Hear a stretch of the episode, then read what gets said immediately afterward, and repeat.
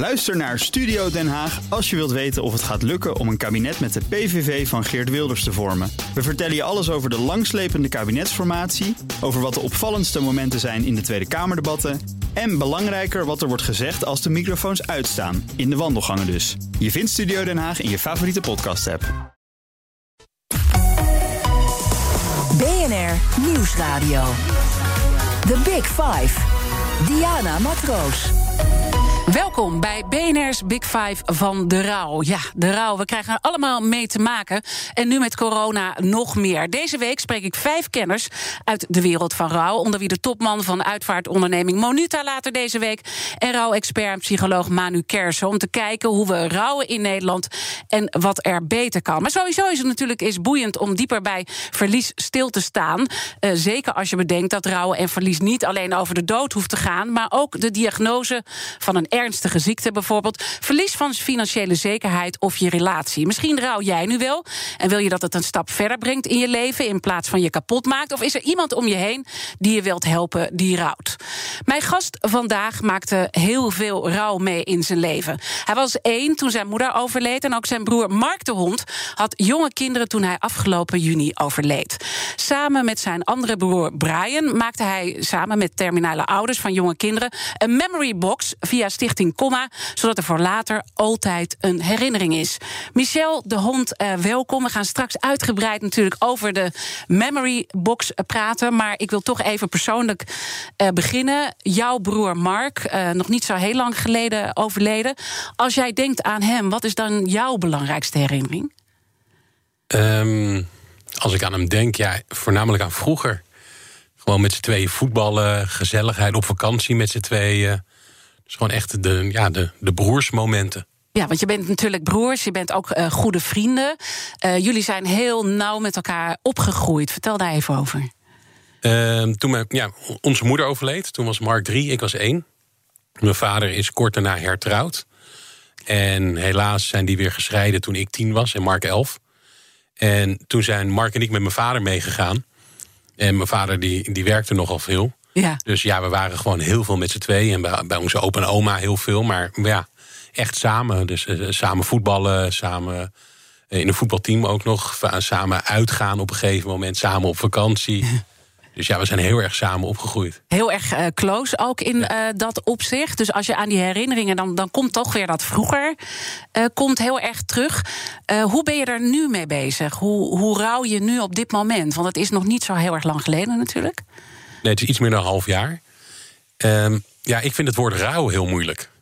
Toen ik voor het programma gevraagd werd, werd ook als eerste door jullie redactie aan me gevraagd: van wat betekent rouw voor jou? En ja, ik denk dat ik wat anders naar rouw kijk dan andere mensen. Dus voor mij is het woord rouw is altijd wat, wat bedoel je daarmee? En kan je me dan toch aangeven, op het moment dat jij dan die vraag uh, krijgt, wat er moeilijk is aan jou aan het woord rouw of alles wat er omheen zit? Nou, ik, ik heb zelf dat. Een, toevallig de, uh, de gast die morgen komt, daar heb ik een stukje over gelezen. Want ik moest ook ik moest een vraag aan hem stellen. En die zei ook: je kan. Uh, verlies niet of accepteren. En ja, daar ben ik het niet 100% misschien mee eens, voor mijn gevoel dan. Want ja, ik sta daar misschien wat, wat pragmatischer in. Of omdat ik ook met mijn moeder gewend ben dat je ja, als iemand. Als het op een gegeven moment gebeurt en iemand is er niet meer, dan is dat een feit. En dan kan je daar heel lang over stil blijven zitten. Maar het verandert je leven niet meer. Je, je moet toch door. Dus ja, ik, ik heb meer zoiets. Voor mij is rouw, bijvoorbeeld bij Mark, dat ik de momenten dat ik aan hem denk, dat ik hem mis, dat, ik, dat er iets gebeurt in mijn leven, dat ik denk, oh, ik wil Mark bellen, of had ik dit maar met Mark kunnen delen. Ja, dat zou een soort rouw zijn, want dan heb je een gemis. Maar ik zit niet in een rouwperiode dat je, ja, dan stel ik voor iemand die heel treurig de hele tijd uh, is. En ja. dat heb ik eigenlijk, ja, dat, nou ja, het is, het is, interessant om het daarover te hebben. Uh, uh, ik kan me voorstellen dat je die gedachte hebt, want die gedachte heb ik ook. Bij rouw denk je aan uh, verlies, maar misschien kan je het ook wel op een heel andere manier invullen. En is dat ook waar we misschien een beetje in vastzitten, dat het altijd heel heftig moet zijn? Ja, dat, dat, dat gevoel heb ik een beetje. En nogmaals, ik praat voor mezelf. Ja. Maar um, zo, zo maak ik het zelf niet mee. Ja ik ga dan heel erg uh, voor mezelf neerzetten van wat is er dan? Kon je er wat aan doen? Ja, bij Mark, eh, ten eerste, hij gaat niet van de een op de andere dag dood. Het, eh, het is een heel proces van twee jaar, waarbij je steeds in een fase wordt meegenomen. Mhm. Eh, dat was ook toen hij in een rolstoel terecht kwam. Dat heel veel mensen denken van, oh ja, als is het ergste wat me kan overkomen. Ja, als dat van de een op de andere dag gebeurt, dan is het een hele grote sprong. Eh, en ook met zijn eh, zijn ziekte. Maar als jij steeds in stapjes naar de volgende fase gaat, dan is het een soort acceptatie van een klein stukje maar. Oh, er is wat aangetroffen als het maar geen kanker is. Ja. En, Nou, wordt- en, ja. en, dus dat, dat zijn allemaal stapjes geweest en dat maakt het anders, zeg je. Is het misschien ook anders omdat jullie er wel veel over hebben gesproken? Ehm, nee, dat weet ik niet. Ik weet niet of dat, ja, kan ik niet beoordelen Nee. omdat ik het gewend ben zo. Maar ik merk wel dat dat, ja, voor mij bijvoorbeeld anders is. Afgelopen maart is ook mijn neefje overleden. Eh, die was 29 en die was plots overleden. En dat maakte voor mij eigenlijk meer indruk dan Mark. Omdat met Mark wisten we dat we naar een, een moment toe gingen. En bij hem was het zo plots, dus ja, uit het niets. En dan, en dan heeft het een andere impact. En daarom denk ik ook dat het, als je ja, in stapjes ergens heen gaat, is het makkelijker. Om, om daarover eh, in acceptatie te komen. Dat Ja. op een gegeven moment dat moment eh, daar is. En eigenlijk zeg je, ik ben heel rationeel. Het leven gaat door en ik eh, herinner hem wel. En dat is op bepaalde momenten. Maar verder zit ik niet in een diepe rouw. Nee, nee, dat denk ik, ja. Ja, en hoe reageren mensen daarop? Want ik bedoel, Mark die Hond, is- het was natuurlijk groot nieuws toen hij Ja. eh, overleed. Hè. Een bekende eh, theatermaker, presentator. Ook veel over zijn ziekte zelf eh, ook gesproken. En ook over natuurlijk de dwarslezing, dwarslezing die hij eerder ehm, eh, ja, dat hem overkwam. Ehm, hoe reageren mensen op het feit dat jij zo rationeel daarin bent? Ja, ik denk dat eh, ik bij het begin helemaal, eh, een paar weken nadat hij overleed, dat als mensen vragen hoe gaat het met je, en ik zei goed, Ja, dat ze heel vaak zeiden: ja, maar je mag bij, bij mij echt zeggen hoe het met je gaat. ja, Het gaat op zich goed. Ja, ik bedoel, een gemis, dat is er.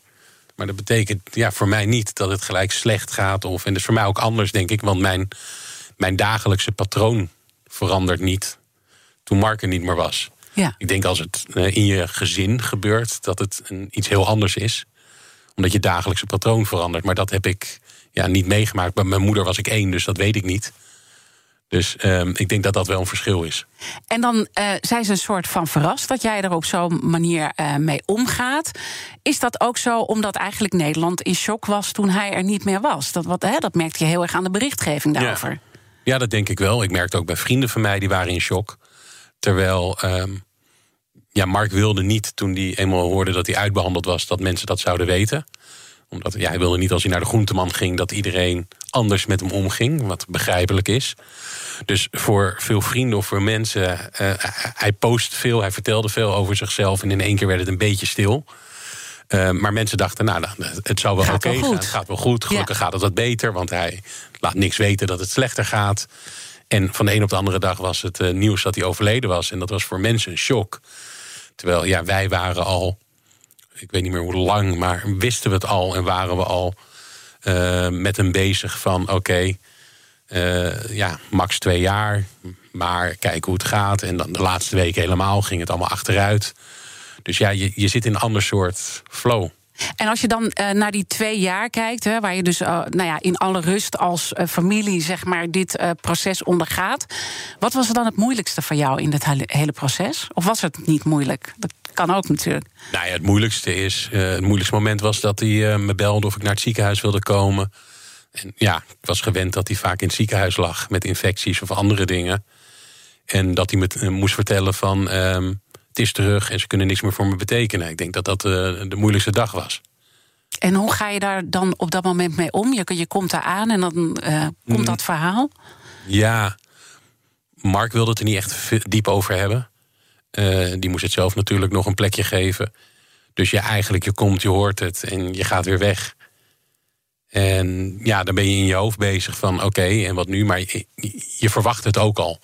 Dus het was ook niet dat hoe het proces ging, dat het heel gek was dat, eh, dat het terug zou komen. Dus het was in je achterhoofd was het al van, nou, dit, dit, dit is wel een kans dat het terug gaat komen en eh, dat hij niet goed is. Maar het is dus meer, denk ik, de hoop die je nog had van, nou, laat het dan nu eens een keertje goed gaan.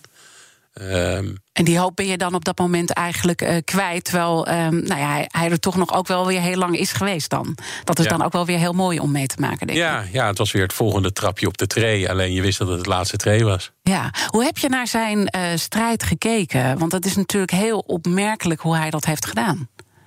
Ja, vol bewondering. Uh, ik denk dat uh, er, er is geen boek voor. Dus het is niet dat er een boek is dat je zegt van um, hoe ga ik om met dat ik van de dokter te horen krijg dat ik uitbehandeld ben. Oh ja, pagina 1, dit moet ik eerst doen. Pagina nee. 2. Dus dat is voor iedereen een eigen proces. En iedereen doet het op de manier die het best bij jou past. En, um, en dat heeft Mark ook gedaan. Die heeft voor hem gekeken, wat, wat wil ik daarmee en hoe ga ik daarmee om. Ja, en daar kan je alleen maar bewondering voor hebben. The Big Five. Diana Matroos.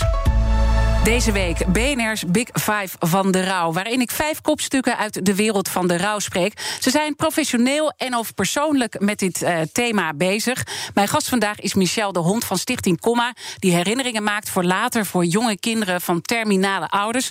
Gaan we het straks uitgebreid over hebben hoe jullie dat doen. Maar toch nog even ook die uh, persoonlijke reis. Want je vertelde al even, jouw moeder is overleden toen jij één jaar uh, oud was. Het is natuurlijk logisch dat je daar dan geen herinneringen over hebt. Want je bent dan nog heel erg klein. Maar hoe ging je vader daar destijds mee om? Heb je wel gezien hoe hij daarover gerouwd heeft?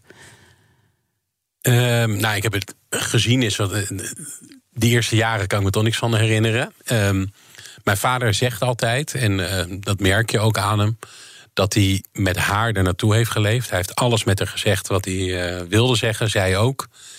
En gehuild samen. En het moment dat ze overleed, heeft hij nooit meer een traan hoeven laten, omdat hij vond dat een soort verraad naar haar toe. Omdat ja, ze hebben samen naar dat moment toe ge, geleefd. Of ge, ja. En um, dat was echt zijn manier. En ja, hij is niet een prater. Dus nee. uh, hij houdt heel veel dingen binnen. Um, Tenminste, in dat opzicht. Ja. Verder is hij heel spraakzaam natuurlijk. Ja, We ja, hem nee, allemaal. dus, ja. laten we het, over zijn gevoelens is hij geen prater en houdt hij veel binnen. Over de rest uh, ja. we het nu maar niet hebben, anders hebben we niet aan een uur geen tijd. Um, dus ja, dat, dat was zijn manier. En, um, ja, dus ook heel erg dat rationele eigenlijk, wat jij net ook vertelde ja. over. Ja, ik denk dat ik dat rationele ook wel van hem en van mijn opa en oma heb. En Mark had dat ook natuurlijk. Uh, ik denk dat we wel een beetje zo uh, opgevoed zijn. Hoewel ik daar wel meer over praat dan mijn vader. Dus dat is, uh, dat is wel een verschil. Er zitten wel verschillen in. Maar wat, wat is dat rationele? Waar komt het vandaan, denk je? Ja, ik denk dat het rationele een beetje komt wat Mark ook altijd zei over toen hij een dwarslezing kreeg. En onze opa en oma hebben in de oorlog de ergste dingen meegemaakt in Auschwitz. En zijn daarna teruggekomen en ze hebben echt nog een mooi leven gehad. Je hebt, je hebt mensen, en dat hebben ze allemaal weer het recht toe. Want het, iedereen beleeft op zijn eigen manier. Die altijd terugkijken en naar het verleden kijken. En um, wat mij nou overkomen is. En je hebt mensen die kijken naar de toekomst en denken: ja, maar ja, er staan nog dagen die ik nog heb. Ja. En ik denk dat wij zo opgevoed zijn en dat dat voor ons een soort in ons DNA zit. Van ja, heeft niet zoveel zin om alleen maar naar het verleden te blijven kijken en daarin te blijven hangen, want dan heeft de toekomst geen zin meer. En jullie opa was daar ook wel heel duidelijk in. Hè? Jullie opa en oma hebben jullie ook uh, samen voor een groot deel opgevoed, omdat je ja. ouders veel aan het werk waren. Hè? Wat je net al vertelde. Dus ook jouw uh, stiefmoeder, die uiteindelijk de zorg van jullie overnam, was ook veel aan het werk. Wat, wat zei jouw opa over hoe je met klappen in het leven om moet gaan? Mijn opa had een motto, dat was: wie, wie bang is, krijgt ook klappen. En uh, dat, uh, dat, dat hing bij Mark aan de muur, dat hing bij mijn vader, bij mij. Hebben we dat aan de muur ook hangen. En uh, dat was zijn, ja, echt zijn motto. Dus ja. Ja, dus in die zin komt dat wel echt ergens vandaan. Misschien ja. ook dat rationele als een soort beschermingsmechanisme? Ja, dat denk ik wel. Ja. Ja. Merkt je ook dat uh, uh, met mijn uh, gast maandag, die nou ja, gespecialiseerd is in rouw op de werkvloer. en daar trouwens ook zelf een ervaring in heeft, Chantal Frederik, die zei: mannen en vrouwen rouwen echt heel anders. Mannen hebben het er niet over. Die gaan gewoon keihard werken. Is dat iets wat je herkent? Of zeg je nee, dan ben ik toch net even die andere man? Ja, ik, ik vind niet dat je iedereen over dezelfde. Nee. dat je de, ja. Het is geen mannending. Dat weet ik niet. Ik kan nee. alleen voor mezelf praten. En ik vind dat uh, iedereen rouwt op zijn eigen manier.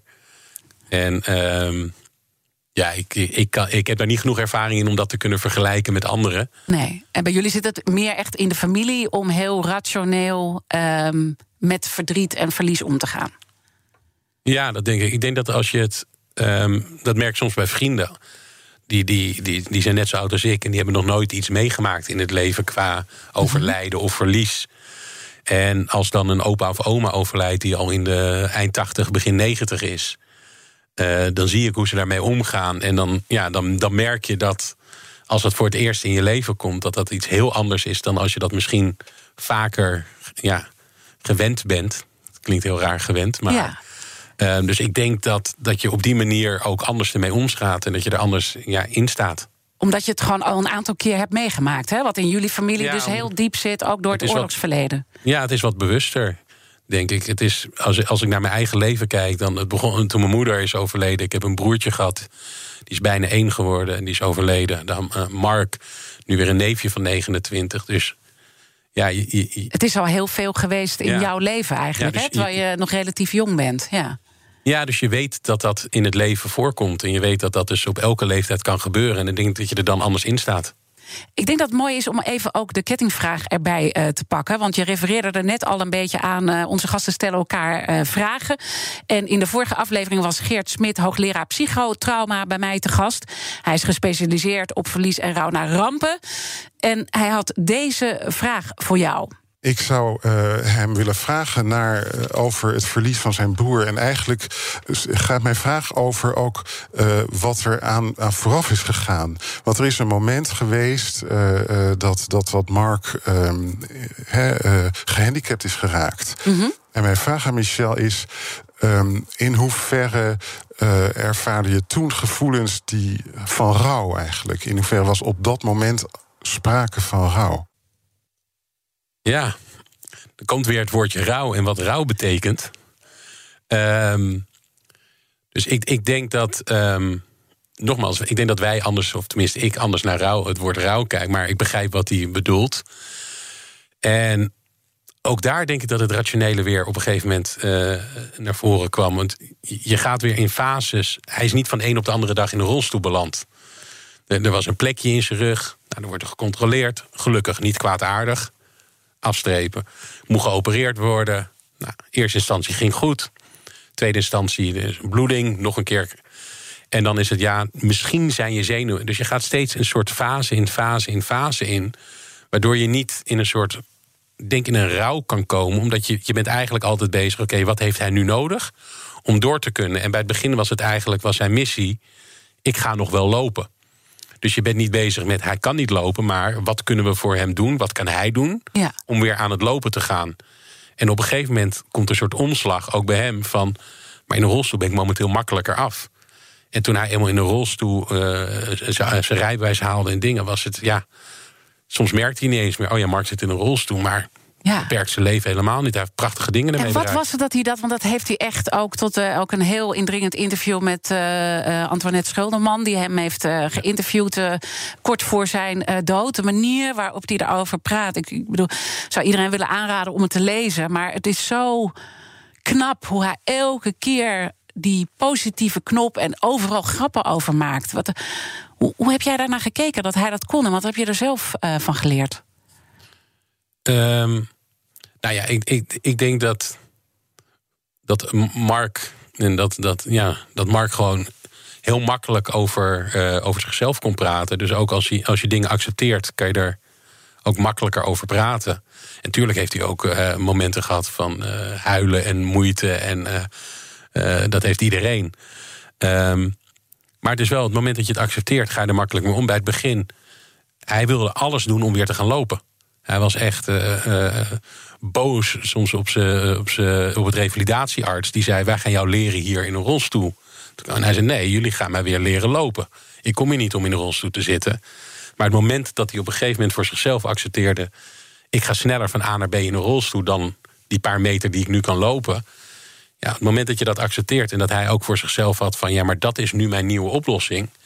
Ja, dan kan hij daar heel makkelijk over praten. En dan gaat hij ook gelijk verder denken. En dan, dan ging hij ook van, oké, maar dan is dit mijn volgende stap. En eh, ja, hij is uiteindelijk in Nederland zelf de rolstoelbasketbal gekomen. Ja, dus- ongelooflijk. En, en hoe, hoe keek jij eh, daarnaar dat hij... want je bent natuurlijk bij die hele reis erbij geweest. Sterker nog, eh, dat, dat hele heftige moment... dat duidelijk was dat hij niet meer kon lopen. Was je erbij? Ja. In het ziekenhuis? Ja. Ja, nou, ik was sowieso toen de tijd heel veel bij hem. Eh scheelt dat je nog geen vrouw en kinderen hebt. Dan, eh, dan heb je wat meer tijd voor dat soort dingen. Ja. En ja, volgens mij in het ziekenhuis, eh hij had twee bedden. Dus hij had een, vrij eigen kamer met twee bedden. Dus ik, ik was vaak bij hem dat ik dan in het andere bed lag... en dan waren we aan het kletsen of andere dingen. En op een gegeven moment kwamen de doktoren binnen... en die, die vertelden hem toen van, nou ja, de zenuwen zijn geraakt... jij gaat niet meer lopen. En ik stond daarnaast. Ja, en hij moest drie dagen plat op zijn buik liggen... om de doorbloeding weer een beetje te laten komen.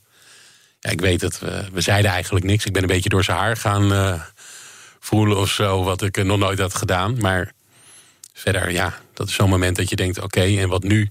Alleen eigenlijk was het alweer een half uur later dat het was... oké, maar ik ga naar het revalidatiecentrum... en daar ga ik eigenlijk weer leren lopen, want... Meteen in de actiemodus en meteen in, in het plannen Ja, maken. het was gewoon heel snel in de actiemodus. Eh, ik weet nog dat opzoeken van oké, bij wie is het ook overkomen? Zijn er mensen die weer gaan lopen? Oh ja, er was een wielrenner eh, die dat was overkomen. Nou, de zoon van Jack Vergelder is de beste vriend van Mark. Dus via Jack hadden we een gesprek met die wielrenner... van hoe heb jij dat dan gedaan? Ja. En, en zo was er al gelijk alweer dat Mark met die jongen ging zitten... van hoe heb jij dat dan gedaan? Nou, dan ga ik dat ook doen.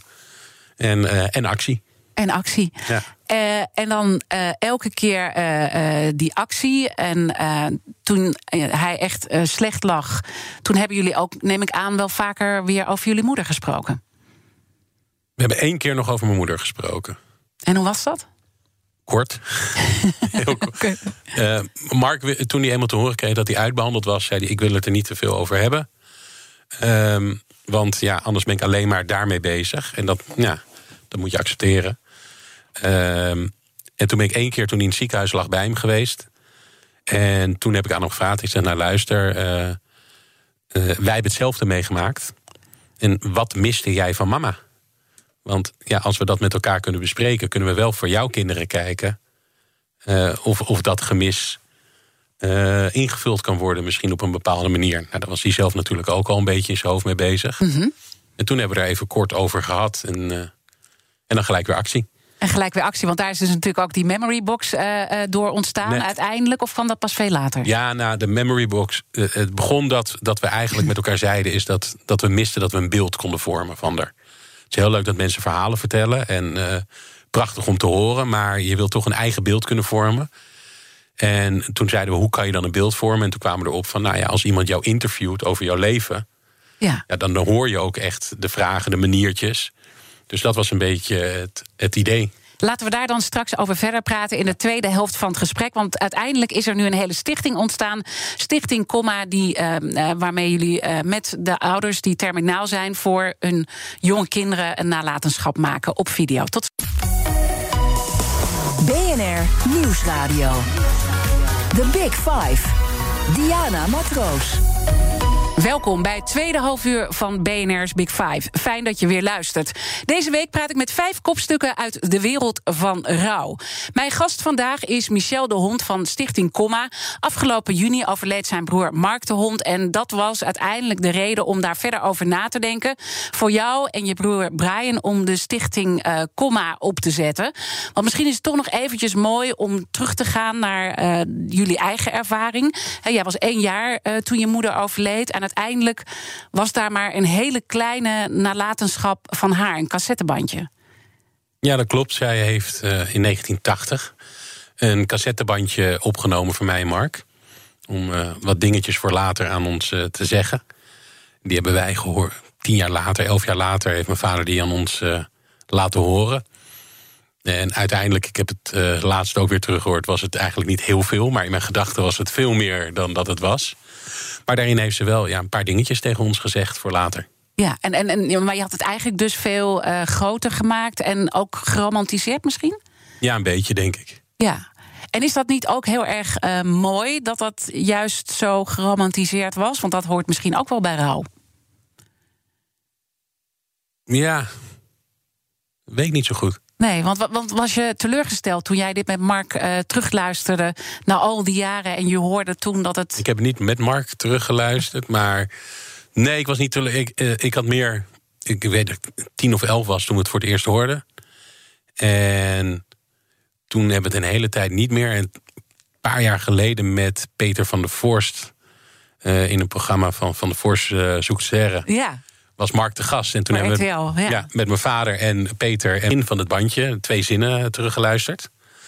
En die twee zinnen waren ook altijd nog in mijn hoofd van... oh ja, dat was er op het bandje. En um, een tijdje geleden hebben we het bandje digitaal gemaakt... en uh, ben ik het terug gaan luisteren. En dat waren ook echt de twee zinnen waar het bandje was. En daarna hebben ze een half uur uh, in de kamer het uh, cassettebandje laten opnemen... terwijl Mark en ik als kleine kinderen door de kamer liepen. Dus ja, dat is het eigenlijk. Dat is het, maar eigenlijk de zinnen waren heel kort. Waren echt Waren gewoon twee uh, ja. uh, zinnen. En ben je met dat uh, in het hoofd ook begonnen aan die memory box van Stichting Comma? Uh, ja en nee.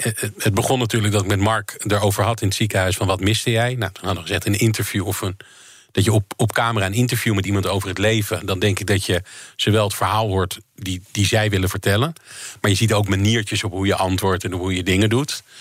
Nou, voordat ik weg was, had Mark al een hele lijst gemaakt van ik ga mijn theatershow veranderen, ik ga deze BN'ers vragen om interviewen. Dus dat was voor hem zijn manier. En ik heb ook een keer uh, tegen hem gezegd dat ik het wel heel mooi zou vinden, bijvoorbeeld als op mijn bruiloft mijn vader had gezegd van hier is nog een kaart van mama. En dat had hij ook een keer ergens anders gehoord van iemand. En dat is hij toen zelf gaan doen voor zijn kinderen. Uh, kaarten gaan schrijven voor later. En zijn zwager kwam op een gegeven moment met een hele mooie houten box die hij zelf had gemaakt. Uh, van papa voor Livia en James. En daar kan je dan alles instoppen. En dat was eigenlijk Mark zijn ja, cadeau aan de kinderen. En toen Mark, ik denk een week overleden was, toen belde ik mijn broer uh, Brian op. En toen zei ik, ik denk dat we een stichting moeten beginnen.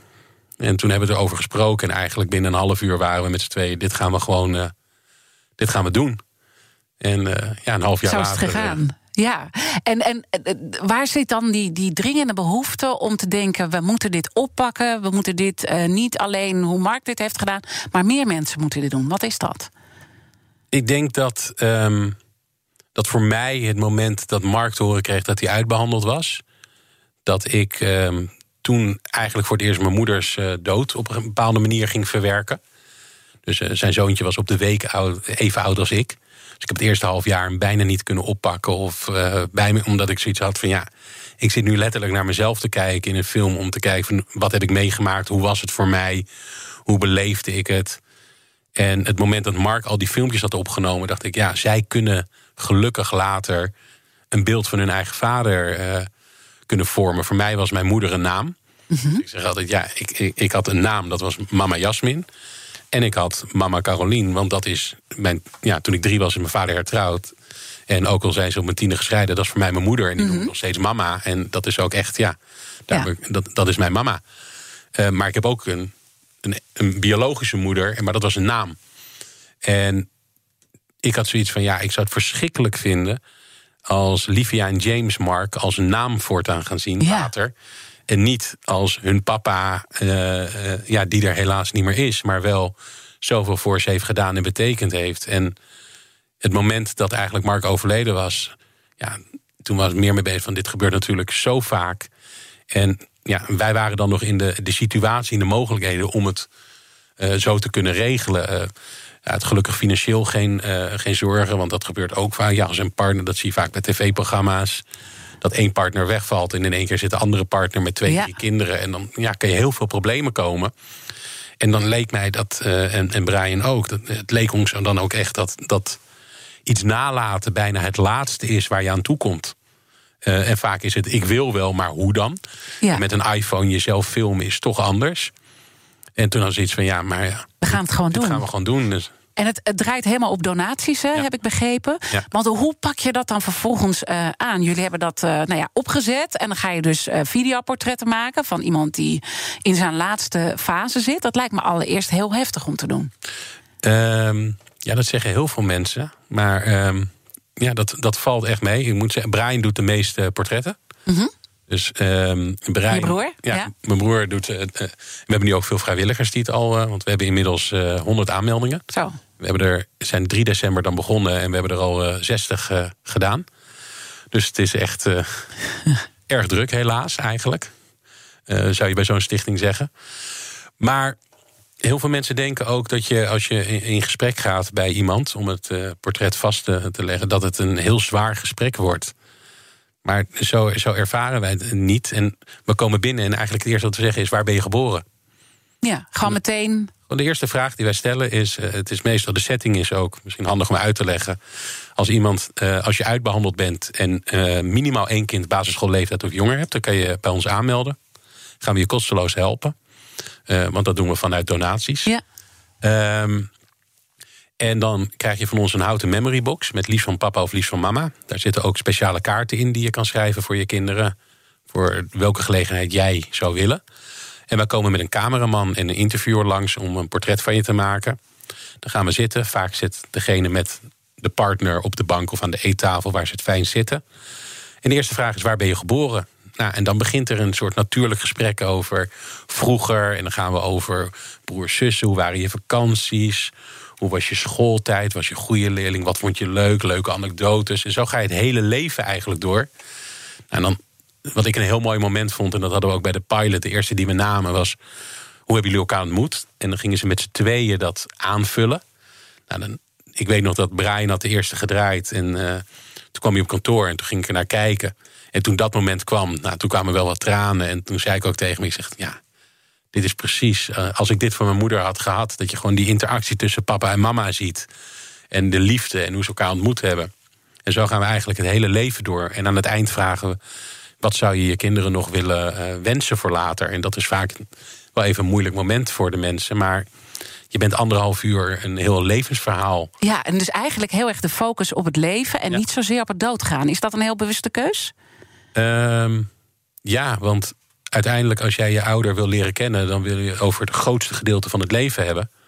En eh, de dood heeft, is maar een klein element eigenlijk van, de leef, van het leven. Dus ja, wij willen gewoon het levensverhaal vastleggen. Zometeen praat ik verder met Michel de Hond in BNR's Big Five van de Rouw. Maar eerst horen we waar BNR breekt het straks om 11 uur over gaat hebben.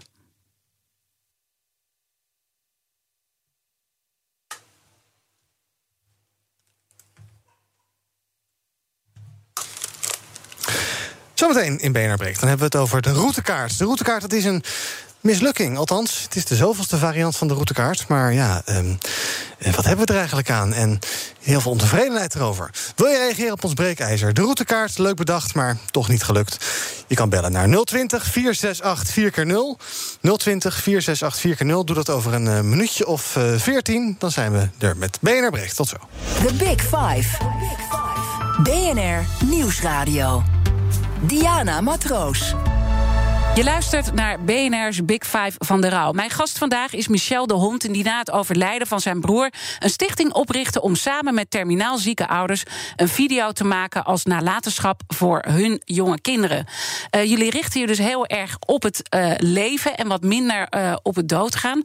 Merk je nu, nu jullie veel meer portretten hebben gemaakt... dat er een soort rode draad in zit... hoe mensen rouwen en hoe, hoe ze ja, over het leven nadenken?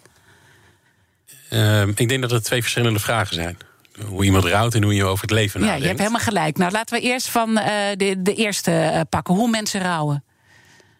Nee, dat, dat kan ik. Nogmaals, Brian doet daar de meeste interviews Ja. voor. Dus die is veel bij de mensen thuis en die heeft ook het eh, telefonisch contact. Mhm. Alleen het rouwen is natuurlijk meestal pas als degene er niet meer is. En dan zijn wij al geweest. Wat wel heel bijzonder is, is dat we bijna van iedereen die we ehm, eh, gefilmd hebben, waarvan dan daarna al de partner is overleden, krijgen wij van de partner nog een hele mail met eh, inmiddels is degene overleden. We zijn zo dankbaar en zo'n mooi portret. Dat we echt denken, ja, wij zijn de laatste die je nu moet mailen en waar je nu mee tijd aan moet besteden. Maar dat geeft dus aan hoeveel het heeft gedaan... ook voor mensen om aan dat proces überhaupt... Ja, ook als partner van iemand die dan overlijdt mee te doen, denk ik. ja dat merken we wel. Dus ehm, dat het doet eh, eh, er komt meer dan ik had verwacht. Dat, ik, ik, bedoel, ik zeg altijd, wij zijn een heel klein puzzelstukje. Ja, Ehm, Maar we merken wel dat vaak het puzzelstukje wel een puzzelstuk is waar mensen heel erg zoekend naar zijn hoe ze dat dan anders hadden gedaan. Zijn er veel, je zei net, er zijn zoveel mensen die het willen. Uh, bijna, bijna erg, zei je, zoveel mensen. En natuurlijk willen jullie dat allemaal uh, geven. Maar hoe maak je de, de, de schifting wie je wel en niet helpt? Want je kan niet iedereen helpen natuurlijk. Uh, tot nu toe, iedereen die zich heeft aangemeld... die binnen de doelgroep valt, hebben geholpen. Oké, okay, maar wel binnen de doelgroep, dat is belangrijk. Ja, ja je moet uitbehandeld zijn. En minimaal één kind basisschoolleeftijd of jonger. dat was de, waarmee we begonnen, omdat we dachten... als je 12 jaar of jonger bent, dan heb je nog niet echt herinneringen... En um, ja, we hopen in de toekomst de leeftijd naar 18 jaar te kunnen uh, doen. Maar dat ligt even aan uh, de inkomsten, de donaties die we krijgen. Ja, want je, neemt, je, voelt gewoon van hier zit echt iets waardoor je eigenlijk meer mensen hiermee zou willen helpen. En het, het bijzondere is dus eigenlijk ook dat het iets doet met jouw eigen ervaring. Dus dat je dit hebt opgezet en dus dan zo'n filmpje wat je dan uiteindelijk ook terugziet van iemand anders, dat het dus ook iets met jezelf doet, met jouw eigen moeder. Ja, dat heeft, bij het eerste filmpje heeft dat uh, daarna. Ik kijk niet alle filmpjes terug. Mm -hmm. uh, dat vinden we ook qua privacy. Voor de mensen doen we dat niet. Snap ik. We ja. delen ook niks op social media daarover. Dat is echt voor de kinderen voor later. Uh, de eerste hebben we wel natuurlijk teruggekeken. Dat, omdat je wil weten van. Wat willen we? Hè? Werkt dit? Of wat, wat zijn we aan het doen? En toen, ja, die kwam wel binnen. Omdat je gewoon ook met een idee dit start. En dat je, als je terugziet, ook denkt van ja, volgens mij hebben we wel iets wat, uh, ja, waar helaas behoefte aan is. Ja, ik moet ook denken aan uh, afgelopen weekend was de uh, Auschwitz-herdenking. En ik weet niet, heb je het gekeken? Nee, ik heb niet gekeken. Oké, okay. ik vond het heel erg mooi. De speeches waren allemaal heel erg indrukwekkend. En er was een van de mensen die de, de oorlog heeft overleefd. En die vertelde met tranen in zijn ogen dat hij later een, een videodocument uh, zag. Waar zijn moeder, die uiteindelijk de oorlog niet heeft uh, overleefd. En hij was heel klein uh, toen hij haar ja, voor het laatst heeft gezien. Ik geloof een jaar of drie. En toen zei hij: Toen zag ik mijn moeder in één keer in een speeltuin. Toen hè, was nou ja, voor de oorlog de speeltuin binnenlopen. En dat moment was zo belangrijk voor mij. Het was heel kort, maar gewoon dat ik iemand kon zien die nog in het leven, in mijn leven was. Ja, ik kan me wel voorstellen. Ja. Ja, ja dat is ook wel natuurlijk een beetje het idee achter, uh, achter de stichting. Ik, ik, was zelf, uh, ik heb zelf een paar uh, portretten tot nu toe gemaakt.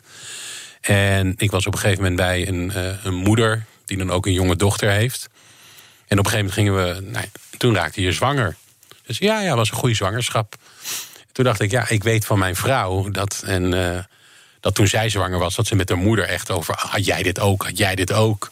Dus toen ging ik ook wat dieper over, bijvoorbeeld van. Maar ben je ook misselijk geweest? Nee, dat heb ik eigenlijk nooit. En toen zei de man gelijk, maar hormonen wel. En toen ging ze een heel gesprek over de hormonen. Toen vroeg ik, heb je nog vreten? Uh, dat, je, dat je dingetjes echt moest eten. Ja, die, die, die ik weet niet of ik het naam mag zeggen, het merk. Want er maar die, die koekjes, ja.